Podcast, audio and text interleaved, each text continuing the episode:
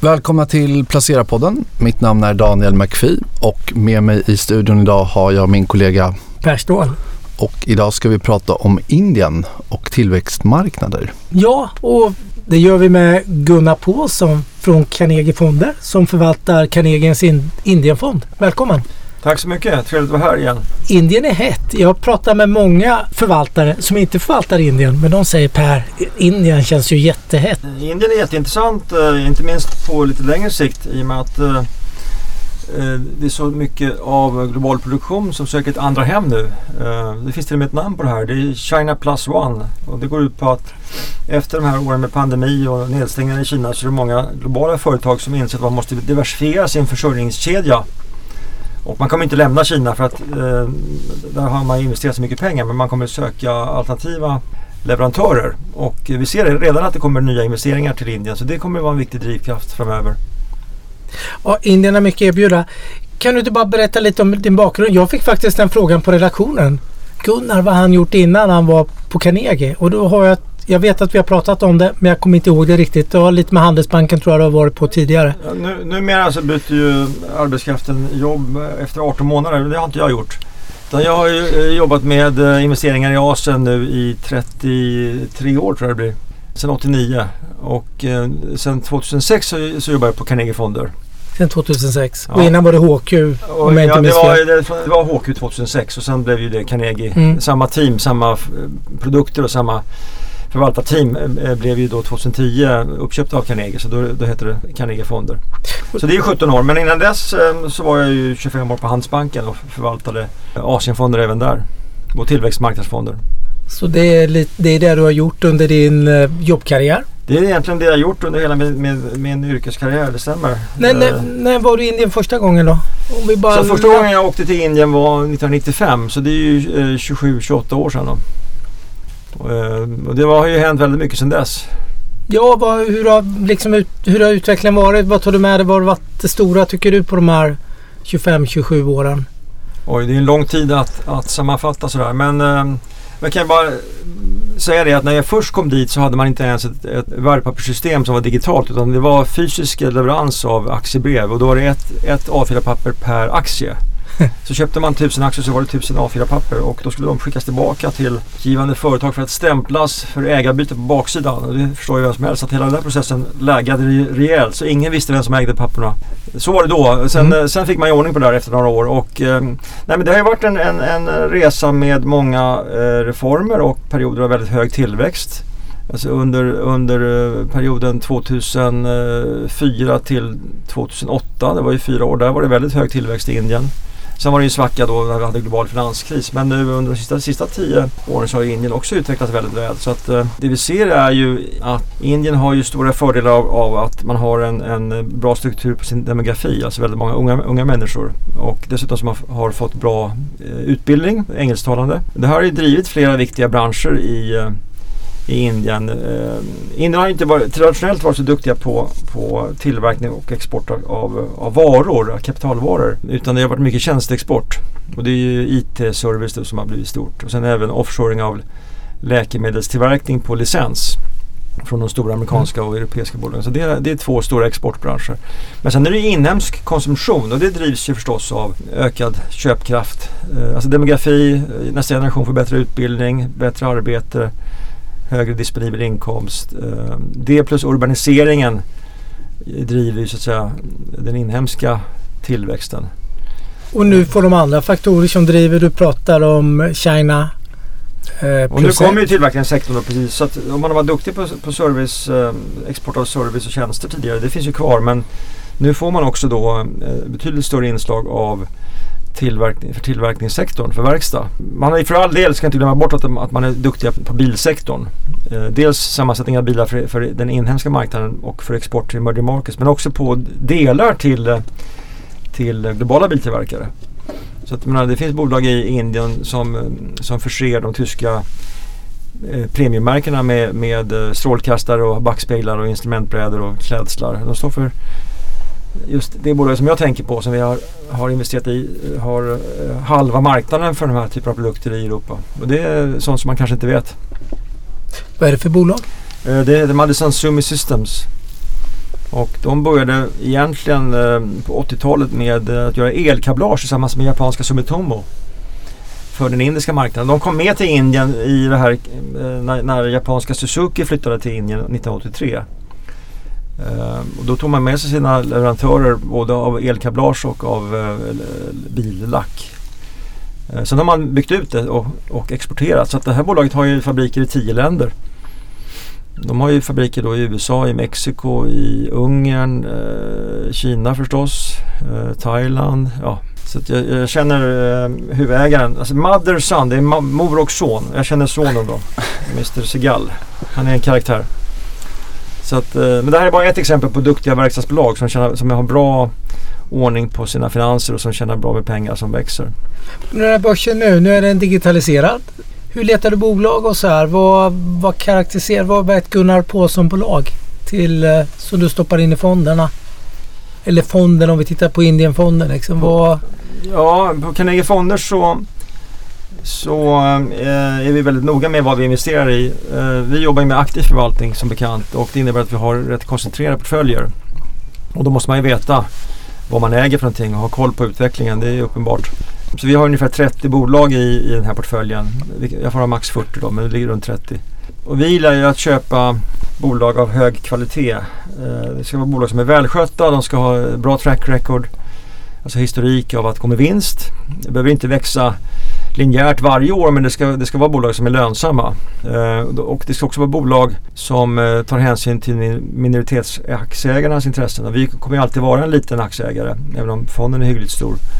Och I och med att Indien, de, de duktiga bolagen i Indien ofta är eh, i privat ägo. Eh, det är familjestyrda bolag.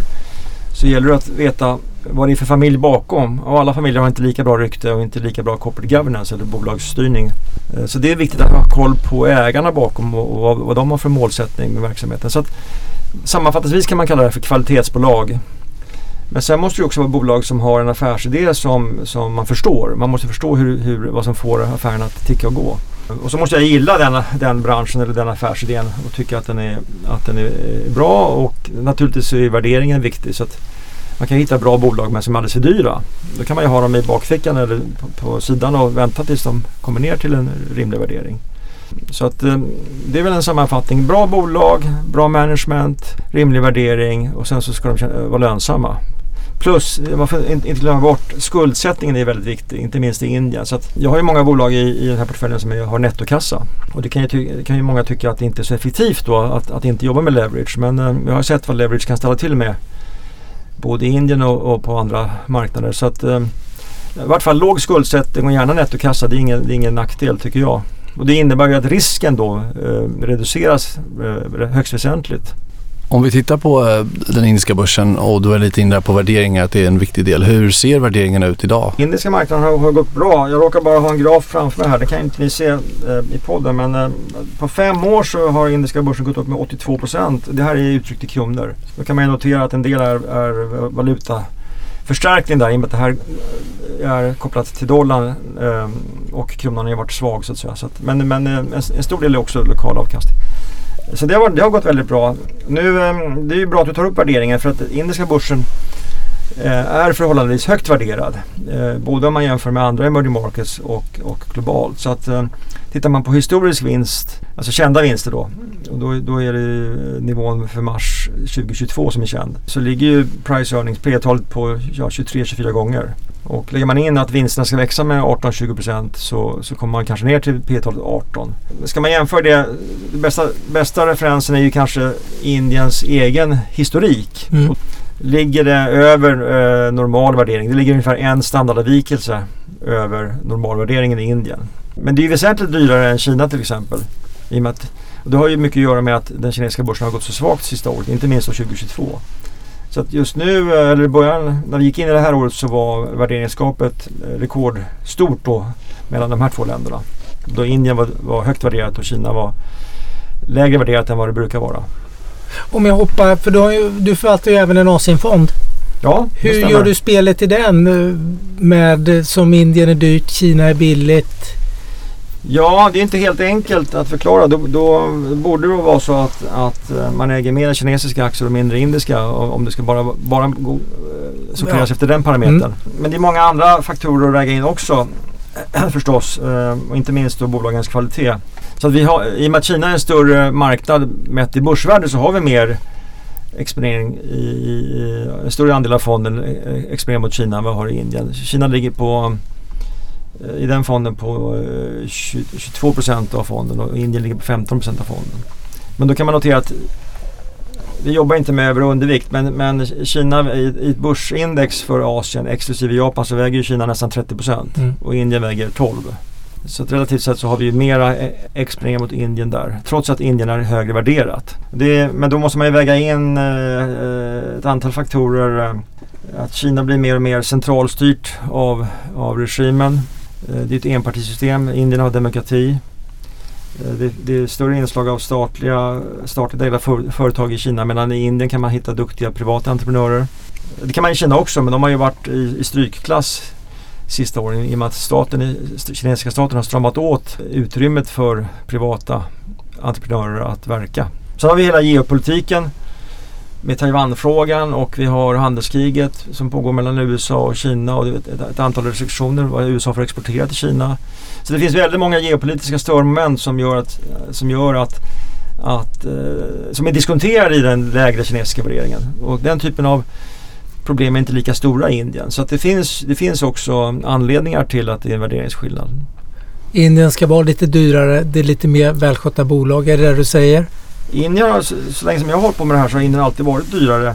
Men det går faktiskt att motivera för att när man, på, på för, om man, om man gör företagsanalys så har indiska bolag, de är mer välskötta, de har högre räntabilitet, avkastning på eget kapital. De har eh, ofta en, en bättre och jämnare eh, historisk utveckling av vinst, vinsterna över tid. Kinesiska bolag kan ju också tjäna pengar men det är på grund av att det är så stora interveneringar från tid till annan så, så, så blir eh, vinstutvecklingen mer ojämn i Kina. Och, och det är väldigt svårt att veta vilken bransch som kommer att drabbas näst av statliga ingripanden.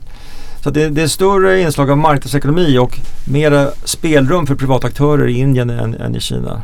Sen kan man ju också notera att, att eh, i och med att Indien är engelskspråkigt så är det lättare att kommunicera och få information från de här bolagen än vad det är i Kina. Jag, åker jag till Indien så får jag ju träffa, genom mina kontakter och att jag har hållit på med Indien så länge, får jag träffa eh, VD och finanschef om det är ett stort bolag. Och är det ett familjeägt bolag så får jag ju ofta träffa grundaren eller ägaren.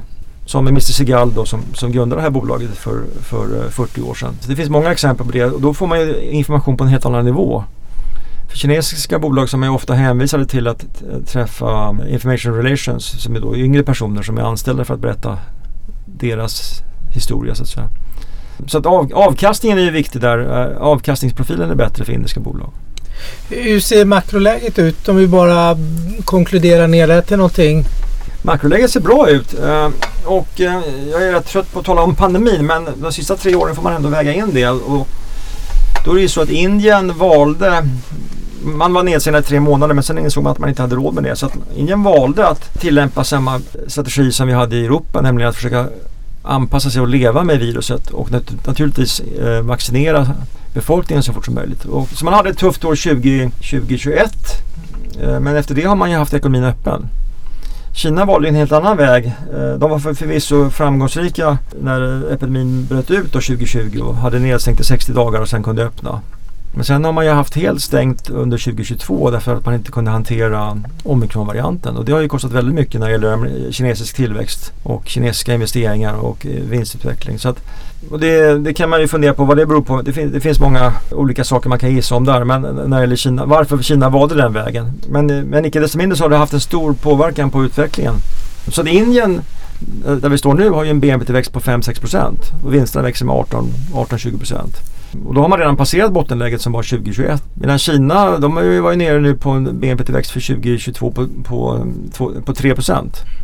Och vinsterna nu har vi inte fått alla rapporter för de rapporterar i april. Men vinsterna i Kina kommer ju vara, vara lägre för 2022 än för 2021. Alltså sammantaget. Så att det är helt olika makrolägen. Och dessutom så är det ju så att Kina har ju drabbats mycket hårdare av eh, Kina drabbas ju mycket hårdare av den globala lågkonjunkturen för att inte säga recessionen då i och med att det är en fokuserad ekonomi. Plus handelskriget ovanpå det. Medan Indien är, drivs mer av inhemska drivkrafter. Inhemsk konsumtion, statliga investeringar plus att man har serviceexporten som har gått väldigt bra. under pandemin. Om man då med serviceexport menar IT-service som då har drivits av en ökad digitalisering och att alla måste upp i molnet. Den här cloud service som alla måste ha för att kunna sköta sin e-handel. Det är ju Infosys och Tata Consultancy och Wipro som bygger de där systemen mot de stora eh, globala bankerna och försäkringsbolagen och e-handelsbolagen. Så det har ju varit en jättemotor då som Indien har där. Och de gynnas även om man läser i media verkar det som de köper hyggligt billig rysk olja nu för de är kompis med de gör sitt spel väl. Det politiska verkar det ju som. Man väljer inte sida riktigt och sådär. Jag vet inte om man ska säga att de är kompisar med, med Ryssland men äh, Indien och Ryssland har ju handelsförbindelser sedan decennier, sedan mm. långt tillbaka. Det har ju Kina också. Mm. Man kan väl bara konstatera att, att Indien äh, är beroende av, av energiimport, både olja och gas. Och det är Kina också. Mm. Kina har varit nettoimportör i 25 år tror jag Och Indien har, Indiens statsfinanser har ju alltid haft ett underskott. Och det beror ju på att man inte varit så duktiga på att exportera varor. Så man har haft underskott i bytesbalansen, man har haft underskott i statsbudgeten. Och då eh, är det klart att, att man, eh, kan man, får man köpa olja till, till rabatt från Ryssland så tar man ju tacksamt emot det. Mm. Och bara för att det pågår ett krig i Europa som naturligtvis är viktigt så, så har man inte tyckt att man är tvungen att avhända sig den möjligheten. Sen att man inte har valt att eh, officiellt då motsätta sig kriget det är väl en annan sak. Det kan ju vara mer politik i det. Men mm. man, därmed inte sagt att man är för kriget heller. Men man gynnas av lite billigare energi nu i alla fall. Om vi ändå pratar BNP som du var inne lite på, eller tillväxten så Jo, jo, nej men, men eh, så att Indien har fått en kraftig återhämtning efter pandemin mm. och det såg vi ju då för 2022. Eh, Sen kanske en global lågkonjunktur, man kommer inte undan den och, och Feds äh, åtstramningar på, på kapitalkostnaden slår ju även mot Indien för att kapitalmarknaden är ju global. Så vi får ju förmodligen se en liten avmattning i BNP-tillväxten även i Indien då. Men, men det finns rätt mycket man kan göra in i landet och sen så att man har kommit med en, en expansiv statsbudget i februari eh, som handlar väldigt mycket om infrastruktur. Och i år så har man lagt väldigt mycket krut på att bygga ut järnvägen. Och det är rätt intressant om man gör det. För att ska man få eh, utländska direktinvesteringar, FDI, och det handlar om China Plus One då, att man ska attrahera Microsoft och Amazon och, och eh, Foxconn som bygger telefoner åt Apple och Samsung Electronics att bygga fabriker tillverkning i Indien. Då måste logistiken med, med lagerhållning och, och distribution för export fungera. Man måste ha man måste ha eh, vägar, man måste ha järnvägar, man måste ha la lagerutrymme, man måste ha exporthamnar. Så det här är ingen slump att, att man satsar. Och det har man, man har byggt ut det här under ett flertal år men att man satsar ännu mer pengar på det, det är ingen slump. Uh, och det är det som krävs då så att säga. Men vi har redan fått, Foxconn har redan byggt eller håller på att bygga en fabrik i Bangalore, eh, Samsung Electronics likaså. Så det kommer, den trenden har precis börjat en megatrend? Jag tror att det är en långsiktig trend som kommer fortsätta. Och det skapar ju arbetstillfällen också. Och då kan man ju bara notera i marginalen att eftersom Kina har gått en väg för att öka sin inhemska konsumtion. Kina vill ju, Kina vill ju bli mindre beroende av export och för att eh, om man ska öka den inhemska konsumtionen som drivkraft i BNP så måste man ha högre löner så att folk får mer pengar i fickan. Men det innebär ju då, flipside det är ju att, att eh, kinesisk arbetskraft är för dyr. Så att indiska löner ligger ju lägre än kinesiska. Bara det är ju ett skäl till att flytta tillverkningen till Indien. Då. Räntor och inflation är någonting som ofta pratas om i både Europa och USA. Hur ser de delarna ut i Indien? Eh, det går inte att komma runt att, det, att inflationen är för hög i Indien också. Men den är inte lika hög som i Europa eller USA eller Sverige. Men Indiens inflation ligger på 5,5 procent. Den har också gått upp sista månaden. Det, även där så är det drivet av matpriserna, framförallt grönsakspriserna. Så att eh, inflationen är eh, högre än normalt i Indien. Det intressanta är att indiska riksbanken har faktiskt varit mer återhållsamma än Fed när det gäller att höja räntan. Man har följt med men med lite fördröjning. Och eh, till för en månad sedan så var det faktiskt en allmän syn att, att man var färdiga med räntehöjningarna i Indien. Nu kanske man tvingas följa med om Fed höjer ytterligare. Jag vet inte. Det beror ju väldigt mycket på om man väljer att hålla sin valutakurs eller inte. Men, men inflationen känns inte som något oöverstigligt hot i Indien. Och då ska man komma ihåg att eh, när Modi kom till makten eh, 2014 då var inflationen 12 procent i Indien tack vare att, att Modi och eh, han som var riksbankschef då, Raghuram Rajan, genomförde ekonomiska reformer som kanske inte behöver gå igenom här, så kom man ner till en inflationsnivå på 5 och det, och det var startskottet på den här tillva- tillväxtperioden vi har haft nu Därför att när inflationen kom ner så kunde bankerna sänka räntorna där. Det är det som har drivit tillväxten de sista, ja det är ju tio år. Hur viktigt tycker du Moody är för investerare? Skapar, ger han stabilitet om du är en global investerare och vill investera i Indien? Det finns ju alltid saker man kan säga om, om politik i alla länder. Men Modi har ju varit en, en positiv kraft för eh, aktiemarknaden, för, för ekonomin som helhet, för aktiemarknaden då självklart och för för eh, utländska investerares förtroende för Indien. Det får man väl ändå säga. Och han har genomfört flera viktiga reformer. Han, han har ökat eh, underlaget för skattein, skatteintäkter han, genom att eh, göra en momsreform. Han har, med den här momsreformen syfte var att flytta mer av den oorganiserade delen av ekonomin in i den organiserade så att den gick över skatt Och det finns ett antal, antal eh, åtgärder för detta. Han har också eh, gjort en valutareform som har samma syfte då att attackera korruption och, och svarta pengar och få in det i, i, i den vita ekonomin. Ja men det minns jag. Hur, gam, hur länge sedan? Är det fyra, det var fem i december, år sedan? Det var samma vecka som Trump blev vald till Just president det. i USA. Den försvann lite i mediebruset kommer jag ihåg. Ja det var i mitten på december 2016. Och sen, eh, sen eh, i juli 17 så gjorde han då den här eh, momsreformen. Så det man möjligtvis kan kritisera att han har varit för ambitiös och genomfört stora reformer väldigt snabbt. Och sen har, sen har inte implementeringen av reformerna varit lika framgångsrik. Så det har ju skapat eh, problem på kort sikt när man har ändrat på förutsättningarna.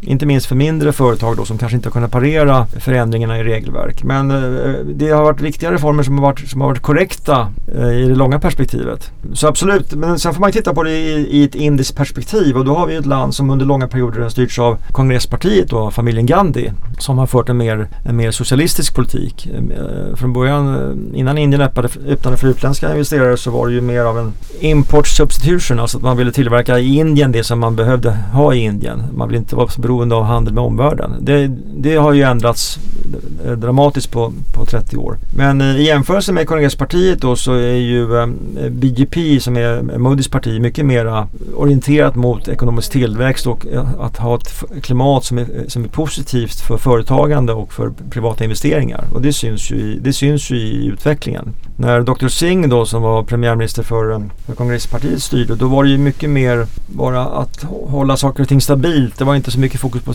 på tillväxt. Det var en, en hel del korruption korruption. Eh, det var knappt styrfart på ekonomin under de åren. Och man fick inte till de här reformerna heller. Så att, eh, där var det mycket mer fokus på, på ehm, fördelningspolitik och att få stöd från de fattiga väljarna.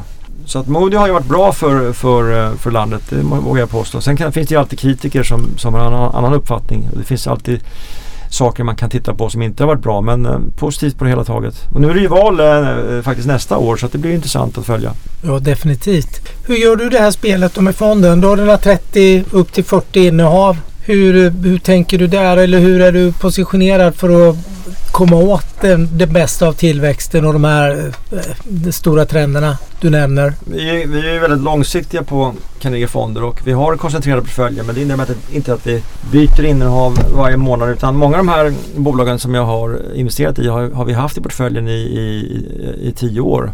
Sen får man ju följa utvecklingen och se om, om eh, saker och ting förändras eller om, det, om de blir blir för dyra. Det, alltså det, framgången kan också innebära att, att aktiekursen går upp för mycket och att det känns dyrt. Då kan man ju trimma eller till och med sälja ett helt innehav. Det har vi också gjort då. Ehm, och även i Indien så förekommer ju statliga interveneringar. Att, att man ändrar på villkoren för, för vissa branscher. Det är tydligast i, i, ehm, i telekommunikationsbranschen, i, i kraftbolagsbranschen till exempel. Eh, oljebolagen är ju till stor del statsägda och där, där har man tvingat oljebolagen att dela på förluster när oljan var dyr. Eh, men vi, ehm, jag gillar inte att investera i, i, statliga bolag i Indien just av det skälet. Därför att det, det, går inte att förutsäga när regelverket ska ändras. Så att vi, vi ehm, väljer bolag som, har så lite, som är så lite påverkade av statliga beslut som möjligt. Eh, vi har heller inte gillat att äga de statliga bankerna för de har varit ineffektiva och haft stora nivåer av kreditförluster tidigare. Så att portföljen handlar väldigt mycket om att hitta, som jag sa tidigare, välskötta bolag med stabila ägare och ofta bolag som har en dominerande marknadsposition. Det behöver inte vara monopol men det kan ju vara bolag som har en, en dominerande marknadsandel i, i, en bransch med ett fåtal aktörer som därför kan, kan uppnå en bra lönsamhet. Och sen ska det naturligtvis vara finnas drivkrafter i ekonomin, eh, alltså i makroekonomin som, som eh, är positiva för, för, den, för den branschen eller för det företaget. Eh, det finns ett antal sådana. Bank och finans är ju en stor, en stor eh, eh sektor i Indien. Det är närmare 30 procent av universet. Och det beror på att, på att bankerna är eh, hyfsat stora i, i börsvärde. Det beror också på att eh, privata banker har varit duktiga att, att skapa tillväxt de sista 20 åren när man har tagit mer och mer marknadsandel från de statliga bankerna. Eh, och det är också en, en, del av börsen som är väldigt lönsam eh, och som, som har haft en stabil avkastning över, över lång tid. Så vi har en stor andel av portföljen i just privatägda banker. Kan jag nämna eh, Housing Development Finance Corp, som HDFC Bank som jag har följt sedan sent 90-tal. Det är en fascinerande bank. Jag brukar jämföra med Handelsbanken på den tiden som Handelsbanken var, hade bäst lönsamhet. Nu kanske den jämförelsen haltar lite grann idag men, eh, men om man tittar på Handelsbanken traditionellt så har de varit väldigt lönsamma och aldrig förlorat några pengar och heller aldrig varit riskerat att gå i konkurs som vissa andra svenska banker under finanskrisen. Men eh, det var en parentes. Men HDFC Bank eh, har jag följt sedan 98 och eh, det är fascinerande med ett bolag som alltid visar 20, ibland är det 21 procents eh, tillväxt i utlåningen. Eh, räntemarginalerna ligger mellan 3,5 och 4,3 procent, ofta runt 4 procent varje år, varje kvartal. Kreditförlusterna ligger alltid under 1 procent, ofta på 0,7. Brutto, brutto brukar vara uppe på 1,5 men sen var det faktiskt kostat på slutändan ligger på 0,7. Så att de i princip aldrig förlorar pengar. Och det har varit kvartal efter kvartal. Vä väldigt konsekvent. Medan andra banker då har haft väldigt eh, stora problem i, i Indien. Så ett sådant bolag eh, tycker inte jag att jag har något problem med att betala fyra eller fem gånger bokvärdet för. Vi har ju ganska aktuella bankfrågor som diskuteras nu i världen med det som händer i USA men även på andra ställen tycker att du får bra insyn i de här indiska bankerna? Man tänker ju direkt att det borde vara relativt svårt, men hur är det med rapporteringen och kontakten med dem? Jag har väldigt bra kontakt med de banker som jag har investerat i. Jag brukar åka till Indien eh, i mars faktiskt varje år och eh, ta en runda, ta de fem, sex största bankerna. Nu har jag inte gjort det i år ändå, men det blir senare. Men de sista tio åren har jag gjort det varje år. Så de vet, de vet eh, vem jag är, de vet vilken fond jag representerar, de vet att jag har varit aktieägare under lång tid. Så jag får ofta träffa minst finanschefen, ofta, i vissa fall ägaren eller, eller VD också. Så att nu var jag faktiskt i, i, i, i november var jag i London och träffade både HDFC Bank eh, och ICICI Bank som är två stora innehav. Då fick jag träffa Sashin som är eh, ny VD sedan två år tillbaka och han fick presentera sin strategi. De håller på och genomför en sammanslagning av, av HDFC Corp och HDFC Bank. HDFC Corp är deras eh, huslåneinstitut, ungefär som Stadshypotek. Då. De här bolagen ska slås ihop och då eh, fick jag möjlighet att diskutera strategi med honom och han förklarade varför det här var bra för aktieägarna och för affären. Så att vi får ofta träffa eh, ledningen på väldigt hög nivå och då får man ju bra information och man kan ställa frågorna direkt. Men sen måste man ju välja vilken bank man investerar i. Det finns banker som har gått omkull i Indien också. De har vi undvikit. Det finns en bank som heter Yes Bank som växte som en raket. De hade en tillväxt i utlåning på 50% och aldrig några förluster. Och ingen förstod varför. Men det har vi förstått efteråt att det handlar väldigt mycket om, om evergreening. Det vill säga att man lånade ut mer pengar till de som var nödlidande. Mm. Och då kunde du ta det nya lånet och betala, sköta amorteringarna med. Mm. Men de gick omkull när Riksbanken inte förlängde vdn och huvudägarens mandat då i, i september 2018. Så att det, det, är inte utan risker men man måste vara i, i, i, man måste vara i rätt bolag. Men du gillar banker? Sen... Banker är en stor eh, sektor. Så har vi rätt mycket. Vi har 17-18% mot eh, kapitalvaror, varaktiga kapitalvaror. Alltså typ bilar, motorcyklar, luftkonditioneringsbolag, ja, kapitalvaror helt enkelt. Eh, och bilsektorn är ju väldigt intressant eh, i Indien i och med att det har varit eh, god tillväxt och stark inhemsk efterfrågan på, på bilar i Indien eh, i och med att köpkraften ökar. Eh, så där har vi exponering plus att vi också då har rätt mycket mot de här eh, bolagen som tillverkar eh, insatsdelar för den globala bilindustrin som, som jag nämnde tidigare. Mm. Nu, nu, de som exporterar till Europa har inte gått fullt lika bra sista året i och med att vi har en lågkonjunktur globalt och vikande efterfrågan. Och sen har man utmaningar, hela det här skiftet från, från bensin och dieselbilar till elbilar. Det påverkar ju också affären då. Så det är inte, helt, det är inte lika enkelt som tidigare.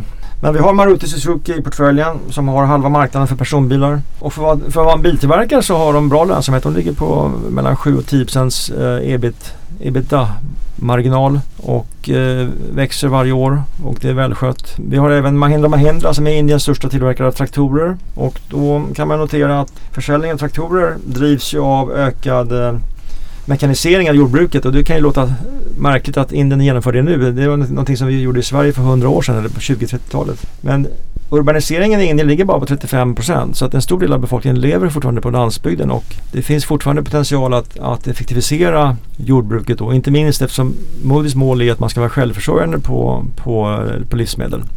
Så det är en, en intressant, ett intressant bolag. Sen har vi även då eh, eh, bolagen som är mer stabila som eh, alltså dagligvaror, eller staples. Där är det ofta utländska multinationella bolag som, som har Indien som marknad med, med noterade dotterbolag. Så vi har ju Hindustan Unilever och det är naturligtvis globala Unilever. Vi har Nestle India som är förstås Nestle. Vi har även en, en mer loka, lokala bolag i den, i den branschen.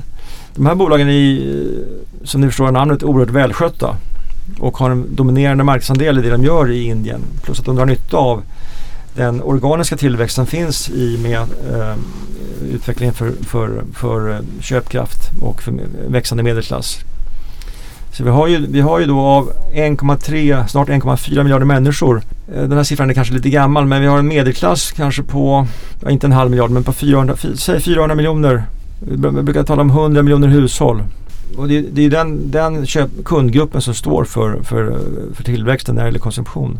Så att stapelvaror eller, eller dagligvaror är en, en, en stabil eh, del av portföljen som, som inte växer, där, där är inte tillväxten lika hög. Alltså Unilever växer med 3% i volym per år, det är inte mycket. Men det sköts effektivt och man har en bra avkastning på eget kapital stabila investeringar. Jag ser att du även har de här stora vad ska man säga, teknikjättarna eller Infosys och jo, jo. Tata Consultancy. Står de för lite mer tillväxt i, i det portföljen? Ju, det är ju en det är exportaffär så att säga.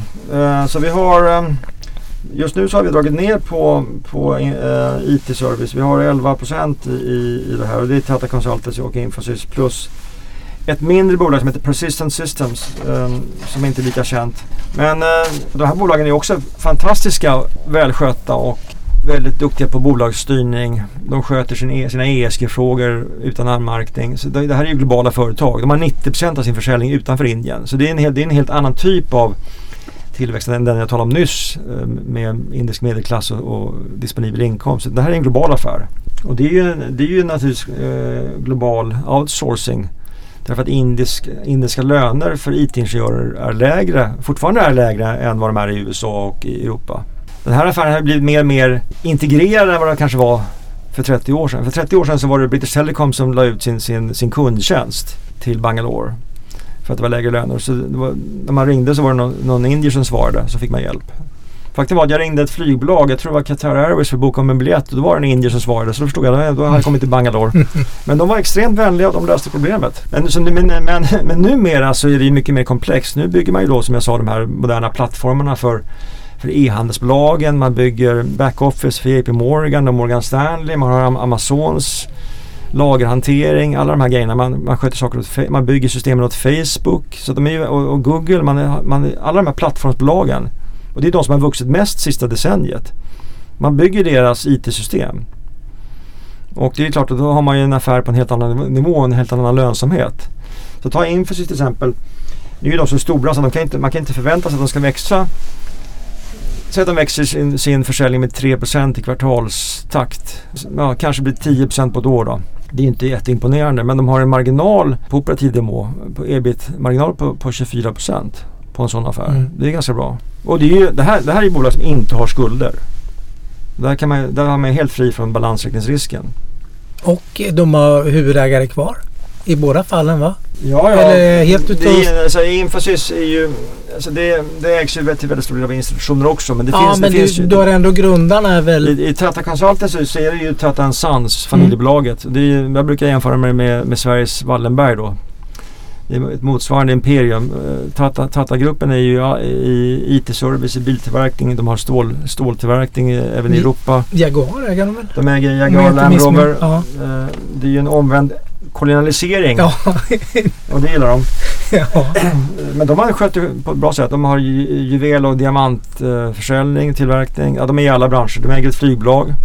De köpte, de köpte tillbaka India Airways från regeringen för ett par år sedan. Det går med förlust så det var mer en, en prestigeaffär än någonting annat. Så där, där har vi ju de starka huvudägarna kvar. Infosys är ju ägandet mer spritt i. Okay. Men det är oerhört välskötta bolag men där har man ju då en mer global risk. Då måste man analysera utvecklingen för Mm. global ekonomi och inte minst Tata Consultancy har 40% av sin försäljning mot amerikanska banker. Det är ju naturligtvis en risk om, om eh, ekonomin, eh, om vi får recession i USA så kommer de här bankerna vara mindre villiga att, eh, att lägga pengar på sin, sin eh, IT-budget. Och färre banker i USA. Ja, det då, så, så kanske vi har en konsolid- konsolideringsvåg och då blir det färre banker. Så det här går ju naturligtvis i vågor då. Mm. Därav, eftersom jag, eftersom jag ett bra tag nu har förväntat mig en, låg, en global lågkonjunktur, för att inte säga recession, så har jag dragit ner på IT-service. Och vi, då tycker jag det är tryggare att, att vara med, med bolag som har inhemsk drivkraft. Du pratar om den här eh, infrastrukturboomen. Är det någonting också du har viktat mot? Ja, eh, det har vi ju. Ehm, och det här är ju ingen ny företeelse i Indien utan det har ju pågått ett bra tag och man bygger ju infrastruktur varje år. och Det har man gjort så länge som jag kan komma ihåg. De sista 10-15 åren så har man ju byggt, eh, jag vet inte hur många, jag tror man har byggt 20 nya flygplatser. Så vart du än kommer, både i Bombay och i Delhi, Bangalore, Hyderabad, Chennai, Goa. Jag var, där jag har varit så har det varit nya flygplan som, är- som är helt eh, fläckfria som fungerar perfekt och bagaget kommer på en gång. Och helt, helt internationell standard. Och man har byggt ny, nytt vägnät, motorvägar. Man, nu- men det som, det som ligger efter är ju järnvägen som behöver rustas upp. Och det är ju en järnväg som bygg- byggdes av britterna då för 100 år sedan. Så att där behöver man ju lägga ner mycket mer pengar. Och det handlar ju väldigt mycket om logistiken. För man har, man har eh, råvarorna i Orissa på, på östkusten. Men industribältet ligger ju utanför eh, Delhi. Och så har man utskeppningshamnen för, för varor på västkusten. Så att man behöver alltså hitta transportvägar för att köra upp kol och järnmalm till industri, till fabrikerna och så få saker tillverkade och sen kunna transportera ut dem. Eh, men, eh, men när man tittar på infrastruktur så är det lite mer besvärligt för det är inte alla bolag som är investerbara då. Eh, den största spelaren är Lars Tubro som är egentligen, den var danska grundare men har varit i Indien över 100 år. Det är ett fantastiskt bolag. De bygger ju allting från sjukhus. De har byggt de här flygplatserna också. Vägar, eh, eh, bostadshus, kontor. Tyvärr har de ett skeppsvarv också som tillverkar ubåtar och i och med att ubåtar klassas som vapen så kan vi inte äga dem. För vi har ju då en exkluderingspolicy där bland annat ja, alkohol, tobak, vapen, vapen och eh, kolgruvor. Branscher där vi inte investerar. Mm. Så den, den, det bolaget kan vi inte äga. Men däremot kan vi äga cement, eh, cementbolagen. Så vi har eh, Altrotech Cement som ägs av Birla-familjen och det är det mest välskötta. De har 124 miljoner ton kapacitet så de har av 400 så de har en, en stor del av marknaden. Det är de som har expanderat snabbast de sista 10 åren med bra lönsamhet. Då. Så att, eh, Mm det, eh, det gynnas ju av, av de här typerna av investeringar. Sen har vi även andra.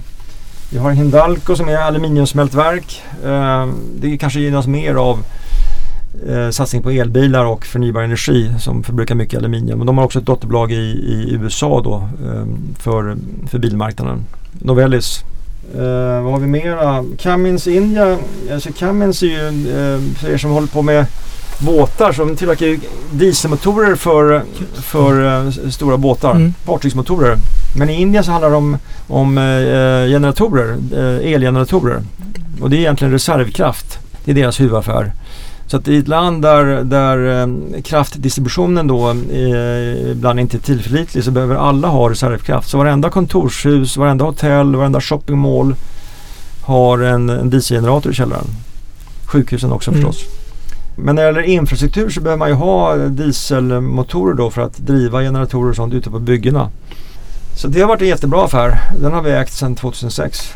Ja, man får nog säga att det finns en hel del som talar för Indien och eh, det måste säga att det är en rad spännande bolag som du har hittat och ägt under en väldigt lång period. Det blir väldigt spännande att följa här framåt. Så att vi får tacka dig Gunnar för att du kom hit och berätta för oss om hur det funkar i Indien och vad vi ser för möjligheter där. Tack så mycket. Alltid trevligt att komma hit och, och prata lite grann om Asien eller Indien. Det är alltid lika kul. Ja, och det är utbildande tycker jag. Det var jättebra. Stort tack Gunnar.